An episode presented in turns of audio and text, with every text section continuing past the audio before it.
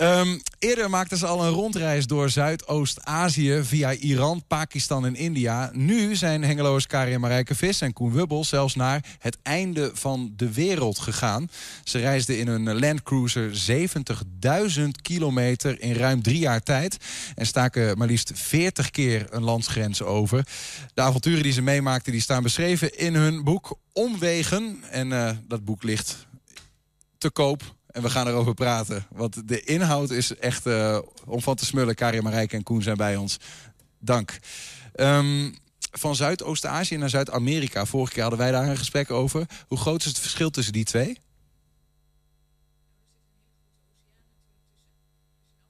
Groot. De auto had vijf weken nodig om er te komen met de container.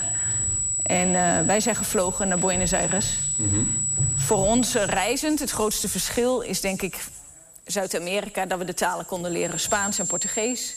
En dan kun je met 80% van de bevolking praten. Ja.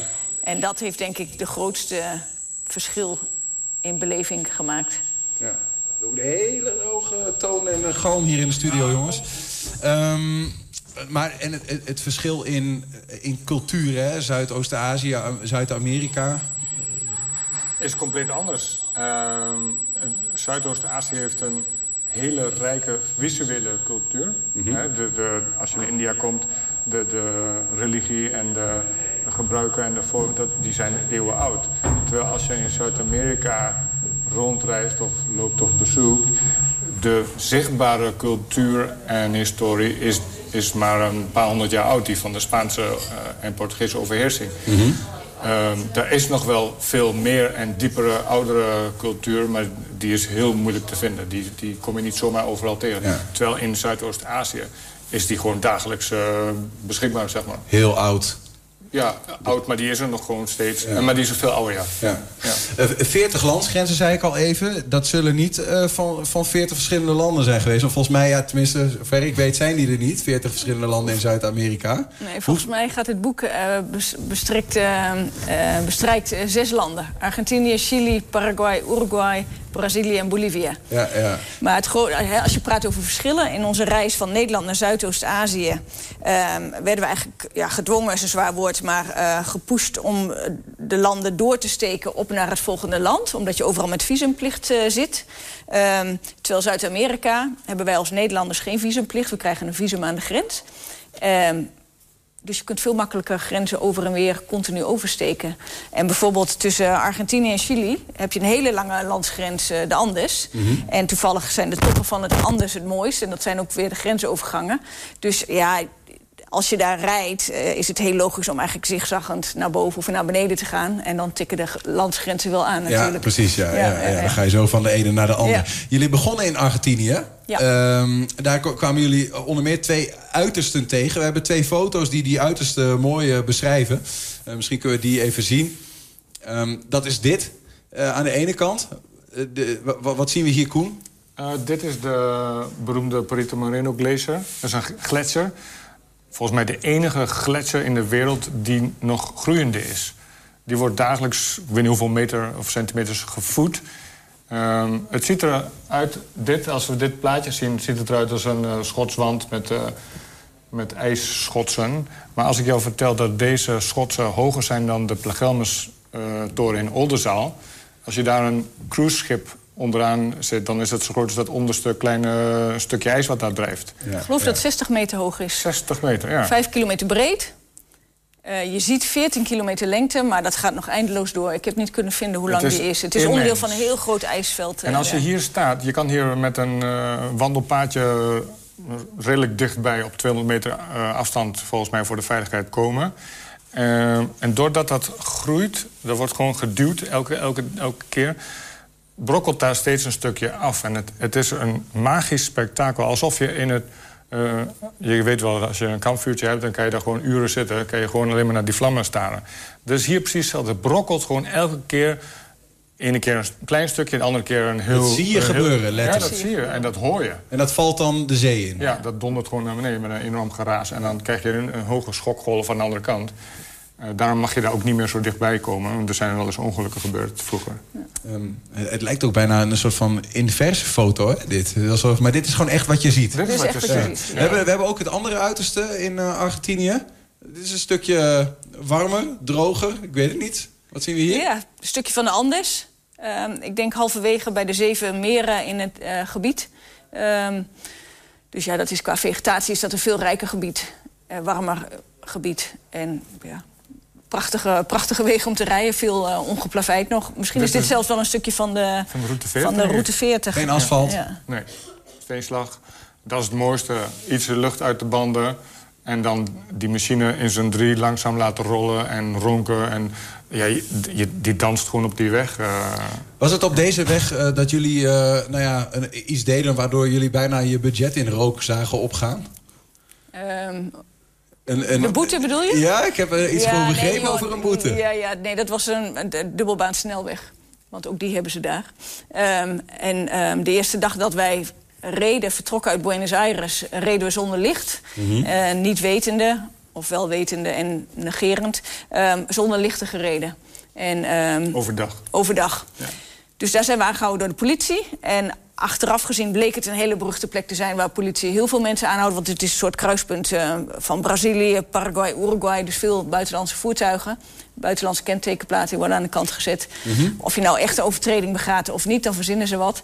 Maar eh, wij, waren, ja, wij wisten nog niet hoe het werkt op het continent. Dus dat heeft ons toen eh, 100 euro gekost of zo. Ja. Eh, En er was dat, Ja. Is dat veel ge- Ik weet niet, waar doen jullie het mee op zo'n reis? Is dat dan een eh, rip uit je lijf eh, op, de- op zo'n moment? Of heb je Ja, op dat moment was dat wel, ik, ik weet niet, eh, ja, dat was toen een behoorlijk bedrag voor ons. Ja. Hè, eh, we, We, we zijn niet zo van de budgetten. Maar als je gemiddeld... Ja, je bent van de cijfers. Maar als je gemiddeld over de afgelopen 18, 19 jaar... het dagbudget kijkt, zit dat eh, ver onder, de, onder dat. Hè, we zitten wel op de 30 euro of zo, weet ik veel. Ja, de drie eh dagrantsoenen die er zo doorheen gingen. Ja, ja, Omdat je toevallig overdag niet met een licht aanreed. Ja, ja, ja. Ehm, via eh, Uruguay, Uruguay, hoe je het ook wil zien, gingen jullie naar Brazilië. Maar je hebt wel getwijfeld of je daar naartoe zou gaan, toch? Ja, Ja. ja, ja, ja. We hebben reisgidsen van, van allemaal landen. En in dit geval was het een reisgids van heel Zuid-Amerika. En dan heel vluchtig kun je, krijg je dan een indruk van een, van een land. Eh, nou, wat kan je over Brazilië eh, te weten komen als je zo'n reisgids opslaat? Dan staat er een highlights, er staat strand, carnaval, eh, drugs, eh, criminaliteit, regenwoud. Allemaal dingen die ons in Niet dat, echt dat heel erg geval trokken. Niet, niet echt eh, trokken. Dus ja, wat- doen we daar eigenlijk? En het is levensgevaarlijk, horen we. Eh, maar ja, wij kenden Leo van een paar jaar eerder. Hadden wij ontmoet, een Braziliaan eh, in Laos. En die zegt, ja, maar luister eens, jullie zitten in Uruguay. Dat is 400 kilometer van mijn huis. Dat kan je Dat niet ligt maken. naast de deur. Ja, dat kan je niet maken om niet langs Voor te komen. daar ligt dat naast de deur. Dus toen dachten we, nou oké, dan rijden we daar naartoe. Hè, bezoeken hem en zijn familie. En dan steken we linksaf, gaan we terug naar Paraguay en Argentinië. En ehm, nou ja, toen we daar waren, nou, hartstikke leuk om elkaar weer te zien. En een paar dagen samen opgetrokken. En toen vertelden we op een gegeven moment wat onze plannen waren. En hij was een beetje in shock van, ja, maar je kunt toch niet zomaar uit Brazilië vertrekken. Mijn moeder heeft eh, nog een huisje verderop. En ehm, nou ja, er kwamen een aantal ideeën uit. En ehm, nou, we zeiden, nou is goed, we hebben eigenlijk ook helemaal geen haast. En die eerste dagen waren ons daar ook goed bevallen. En ehm, ja, dat is... ja, toen is het helemaal omgeslagen. Die reisgids hebben we niet meer aangeraakt. En we zijn vier maanden in Zuid-Brazilië, eh, eh, zeg maar richting Rio de Janeiro, ehm, gereisd. Ja, eigenlijk van uitnodiging naar uitnodiging van familieleden of vrienden van vrienden, kennissen. Ja. Ehm, hè, dat was toen nog niet allemaal met social media en allemaal heel duidelijk. Het was allemaal een beetje vaag. Dan rij je daar naartoe en dan vraag je rond en dan kom je daar wel. Ja, dit, even dit, En, om te- ehm, dat te duiden, dit is een tijdsbestek 2007, 2010, Ja, hè, waarin ja. jullie deze avonturen Ja. meemaakten. Ja. Eh, om, want anders denken mensen van, "Huh, toen was er nog Ja. geen eh, social media. Nee. Maar die, die, die, die, die reisbrochure over Brazilië, die jullie niet zo aansprak, om het zo maar te Ja, zeggen. Zouden jullie die dan anders hebben geschreven achteraf? Want jullie zijn de hele tijd blijven hangen. Was het een positieve ervaring achteraf? Ja, maar kijk, ik denk dat er een heel groot verschil is... als jij drie weken bijvoorbeeld op vakantie gaat... ook naar een land als Brazilië. Hè, dan wil je heel doelgericht een aantal dingen Ja. doen. Bijvoorbeeld de carnaval in Rio de Janeiro... of naar een prachtig strand, of een tocht eh, door de jungle. Uh, en dat zijn uh, hele leuke dingen om te doen als jij drie weken vakantie hebt. Um, maar dat zijn niet direct de dingen die wij zoeken. En wat voor ons Brazilië zo mooi heeft gemaakt... is de gastvrijheid van de Brazilianen. Die ons heel erg deed denken aan Iran... waar we ook heel veel gastvrijheid hebben gehad. En als je praat over ontmoetingen en verblijf bij de plaatselijke bevolking... dat is niet iets wat je in reisgidsen kan schrijven. Je kunt niet zeggen, ga bij Pietje langs. Je, kunt, je kunt op een gegeven moment aangeven... misschien sta open voor ontmoetingen met de plaatselijke bevolking. Want de meeste mensen zijn gewoon heel erg aardig en gastvrij... en willen een stukje van hun leven met je delen. Sta ervoor open.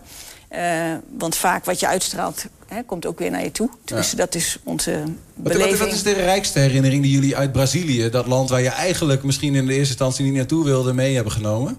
Uh, ik denk wat Kamerlijke net ook al zei... De, de gastvrijheid van de mensen. De hoeveelheid mensen die we daar ontmoeten... die uh, niet necessary zeg maar, uh, een hele bult geld op de bank hebben staan. Dus die, die uh, geen financiële rijkdom hebben... maar een hele andere soort rijkdom hebben.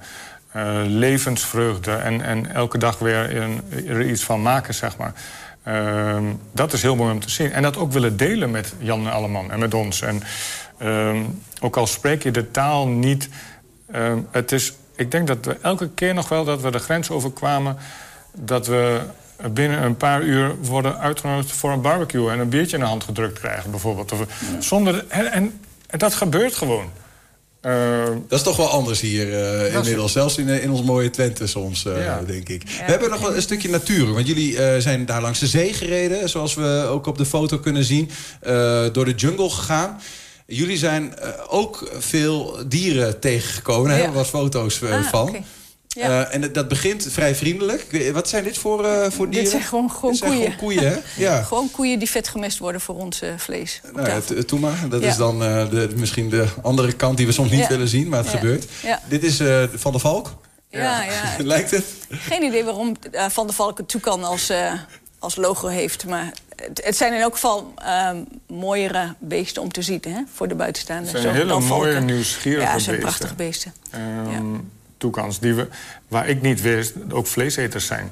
Want uh, ik heb daar vlakbij... Dit is op een ranch ergens, waar we te gast waren. Of even een informatie vroegen, denk ik. En de, de hebt en ik er een toekan naast me op die bankje. Wat, uh, hoe kan dat nou? Wat is dit hier? En die blijft gewoon rustig zitten. Ik kon heel rustig uh, mijn toestel pakken en zo. Oh ja? Ja, heel apart. Ja, dus, maar die was daar specifiek om daar... Want er hing allemaal vlees te drogen. Allemaal koeienhuiden en vlees. Uh, en die pikken dat, uh, die huiden ook schoon. Maar die was dus gewoon vlees aan het pikken. Dat had ik nooit verwacht. Ik dacht dat het vruchteneters waren. Ja, ja. ja een vleeseter natuurlijk ja. al. Ja. Oh, ja. Het beeld van Van der Valk ineens een stukje eng. Nee. Uh, maar de, vleeseters zijn nog tot daar aan toe. Maar toen hadden jullie ook deze jongen die je daar tegenkwam. Mm. Ah ja. Ja, tarantula spinnen. Gezellig. ja. Brazilië. Ja, of, ik, of, ik of worden jullie daar niet... wat doen, hè? Dat, uh, volgens mij zijn het verder onschuldige beesten, maar ze zien er gewoon heel naar uit. Geen arachnofobie en, uh, bij jullie? Uh... Nee, nee, zolang ze niet in mijn bed liggen, vind ik het goed. ja. ja. deze heb je niet in Twente in ieder geval. Nee, nou, dat weet ik niet. Maar als ze misschien bij de bananen liggen bij... Bij, ja, de, zou kunnen. bij de super. Ja. Ter, ter vergelijking voor, de, voor het formaat heb ik daar mijn autosleutels even langs gegooid. Ja. En dan zie je toch wel dat het uh, nou, ja, handgrootte wel. een, een ja. grote jongen is. Ja. En die zijn, uh, die zijn bang voor regen. Dat vinden ze niet zo fijn. Dus als het regent, wat veelvuldig gebeurt in, de, in het regenwoud... Uh, trekken ze weg uit die natte gedeeltes en lopen ze op straat... of bij de mensen in de huizen of uh, in de auto. In je hotelkamer. Uh, ja, ja. Wij zitten, uh, overtuig mij eens, want ik, ik ben nog wel zo iemand die dan denkt van... ja, goed, dat, dat buitenland, weet je wel, Zuid-Afrika of Zuidoost-Azië... ja, leuk, hè, cultuur, maar dit soort dingen, daar hou ik toch echt niet van. Nee? is dat een onterechte angst? Nou ja, dat weet ik niet waar je angst vandaan komt en of het terecht is. Maar als je naar ik ben zo bang dat ze gewoon in één keer dan inderdaad in mijn bed zitten. Of dat er een slang uh, in de wc ligt of zo. Ja, denk van, nou ja. kan, dan roep je, de, roep je de hotelmanager erbij. Ja. En die lost dat voor je op. Ja. Weet je, de kans dat je daar... Uh, nou, ik denk dat je het ook per continent moet bekijken. Zuid-Amerika is geen uh, continent om bang te zijn voor grote dieren of zo. Mm -hmm. Insecten zijn veel meer een probleem. Weet je? Veel muggen, veel kleine stekers. En niet dat je daar nou direct dood aan gaat. Hoewel denken wel echt een probleem is. Maar uh, je hebt veel meer last van het insectenleven dan van de grote dieren. Want het zijn veelal lama's en vicuña's en guanacos. Dat is allemaal familie van elkaar. Uh, langs de kust van Argentinië kun je heel veel walvissen zien. Orka's, pinguïns zeeleeuwen. Ja, hè, die komen echt niet op land om, nou, zolang jij niet in het water gaat. In Brazilië op een zeker moment, in the middle of nowhere kroketten en bitterballen. Ja. ja, dat was heel bijzonder. En in Zuid-Amerika, maar over de hele wereld heb je ook Nederlanders. Nederlanders die daar of met hun ouders uh, geëmigreerd zijn... of uh, ooit de deur achter zich dicht hebben getrokken en ergens anders doen. Maar mensen die een leven hebben, elders hebben opgebouwd. En mm soms komen we ergens en die zien een Nederlands nummerplaat... en die zeggen, Oh, maar we hebben hier ook een Nederlander in het dorp wonen. Of noem maar wat. En dan krijg je een telefoon in je handen gedrukt... en dan moet je daar naartoe en thee drinken. En er komen soms hele leuke eh, dingen uit. Nou, in dit geval, wat jij uh, aanhaalde...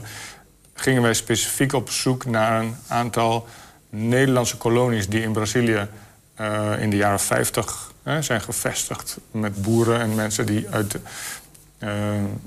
ja, het was de tijd van de industrialisatie. Dus uit Nederland moest, hè, moesten de boeren weg. Ja. En uh, toen waren er vaak uh, overeenkomsten tussen overheden... tussen Nederland en bijvoorbeeld Canada, Nieuw-Zeeland... maar ook Brazilië en Argentinië. Dus dan uh, met financiering gingen boeren die kant op. Al dan niet met koeien, want die waren dan onderdeel van de deal. En ze wilden toen de tijd ook al graag onze melkkoeien daar hebben... omdat die gewoon veel melk geven. Mm -hmm. En zo is er dan in Brazilië een van de kolonies... zoals het dan heet, Castrolanda. Daar zijn, ik meen, 50 gezinnen met 60 koeien naartoe gegaan in de jaren 50. En dan moet je je voorstellen, dat is op een hoogvlakte. Daar is helemaal niks. Eén grote kale vlakte, geen enkele infrastructuur. Ja. Um, ja, en dan kom je aan. Je spreekt de taal niet. De, de, de, het was toen natuurlijk Brazilië nog helemaal niet on, uh, ontwikkeld. Ja, die bouwen daar dan eerst een hutje. En die beginnen daar hun... Uh, en een kerk natuurlijk. En die beginnen daar het land te bewerken. En gaandeweg komen er meer gezinnen. En die 50 zijn uitgegroeid tot 700 gezinnen.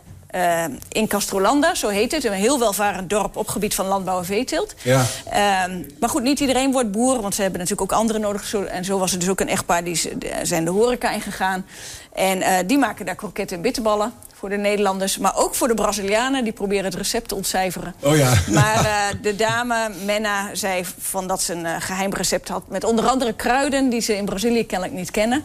Ik weet het recept voor bitterballen niet, ik heb geen idee. Maar Nee, ze, het nee. was erg lekker om even wat Nederlands te eten Maar het was eh, wel even een shock om dat zo te zien, inderdaad. Dat zal wel, ja. Ja. De Brazilianen die, die smulden er blijkbaar ook eh, van. Ja, die komen daarvoor. We Ja. gaan een sprongetje maken. Jullie gingen uiteindelijk eh, na Brazilië eh, naar Bolivia. over zoutvlaktes. Daar hebben we ook nog wat foto's van. Misschien kunnen we daar nog wat van laten zien. Maar ik wil dan toch nog even naar het moment dat jullie ehm, naar het einde van de wereld gaan. Hè? Want dat is de subtitel. Eh, dat, dat is letterlijk een plek. Ik ga het even... eh, hoe heet het ook alweer in Zuid... eh, El Fin del Mundo. Ushuaia. Tierra del Fuego? Ja, Tierra del Fuego, of wij kennen het als vuurland. Ja, vuurland. Dus dat is het zuidelijkste puntje van Patagonië. Het is het zuidelijkste puntje van eh, Argentinië, Chili. Van het vasteland. Daaronder heb je een paar eilanden en dan heb je Antarctica. Ja. Dus de lokale mensen daar noemt het El Fin del Mundo, het einde van de wereld. En ook onder reizigers is het bekend als... Waarom is, dat, waarom is dat het einde van de wereld Ja, volgens die ja, mensen? omdat daarna is alleen maar zee en Antarctica. Eh, Volgens mij is dat ook gewoon Het voelt als het diep- einde van de wereld. Het zuidelijkste puntje wat je met eh voertuig kan bereiken, zeg maar. Wat je kunt rijden. Eh, ik weet niet, je kan Zonder niet boot. zuidelijker komen. nou nee, je moet met een boot ook. Ja. Geen ja, idee. met een ferry moet je. Ja. Ja. maar Ja. Want eh, als je daar Het staat... voelt wel als het einde van de wereld, daar, hè? je staat daar, je kijkt uit over de zee. Stel Er ik is me ook zo niks? Ja, er is ja, niks. er is ook niks. er is Nee. één haven met eh, verdwaalde zeilboten... en dan één haven met cruiseschepen voor al die mensen die naar eh, Antarctica, Antarctica willen. Ja. moeten. Ja. Ja. Ehm, en dan, ja, het houdt op. Het houdt op, doodlopend. Ja, als je daar staat, wat, wat, wat, wat, denk, wat denk je dan? Ben je dan op je bestemming? Denk je, wat, wat, wat, als je over die zee kijkt, jullie zijn eh, wereldreizigers, om het zo maar te zeggen. Nou, het was voor ons eigenlijk een, een begin van een Zuid-Amerika-reis. Want we kwamen in Buenos Aires aan. En ons plan was om naar het zuiden te rijden, naar het einde van, eh, van de wereld. En daar als het ware te beginnen. En dan eh, helemaal de Pan American naar boven te rijden, de, eh, naar Alaska. Dus, da- dus voor sommigen is het een eindpunt, voor ons was het meer bedoeld als beginpunt. Ehm, en het was ook een punt waar veel reizigers samenkomen om kerst en oud nieuw te vieren. Ehm, ja, uiteindelijk was het gewoon een van de vele omwegen Ja, voor ons in, ja. die, in, in die drie jaar in dat stuk van Zuid-Amerika. Maar misschien wel een, een mooie om, om dit gesprek voor nu in ieder geval mee af te sluiten. Dus dat het einde van de wereld voor jullie slechts het begin was van een, Ja. eh, van een reis. Eh, er is nog veel meer om over te praten. Ehm, we hebben een aantal foto's overgeslagen. Maar als mensen dat willen zien, eh, staat in jullie boek Omwegen. Eh, waar, waar kunnen we hem krijgen? In alle, alle boekhandels? Ehm, komt meer en meer, maar onze website landcruisingadventure.com. Landcruisingadventure.com. Ga Ja, even kijken. En in elk geval de boekhandel Broekhuis heeft dit op dit moment. Kijk, Maar google even ehm, omwegen. Omwegen, Karin Marijke. Vis en eh, Koen. Ja. Dank jullie wel. En eh, nou ja, eh, op naar het volgende avontuur. Ik ben benieuwd. Ja, Oké, dankjewel. Dankjewel.